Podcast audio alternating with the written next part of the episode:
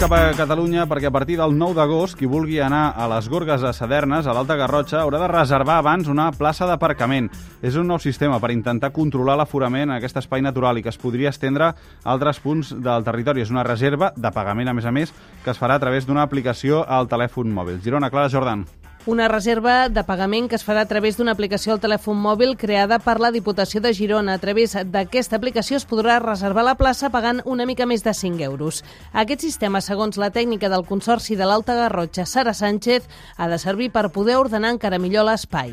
Farà que el visitant hagi de planificar la seva visita abans de venir a l'espai de tal manera que nosaltres tindrem, diguem, la informació i el coneixement i tindrem els mecanismes per ordenar l'afluència de visitants. En el cas concret de Sadernes, s'ha estimat que per la capacitat de l'espai l'aparcament havia de ser de 100 vehicles. 100 places quan fins ara hi deixaven entrar fins a 200 cotxes a banda dels més de 400 que s'havien arribat a acumular els vorals de la carretera.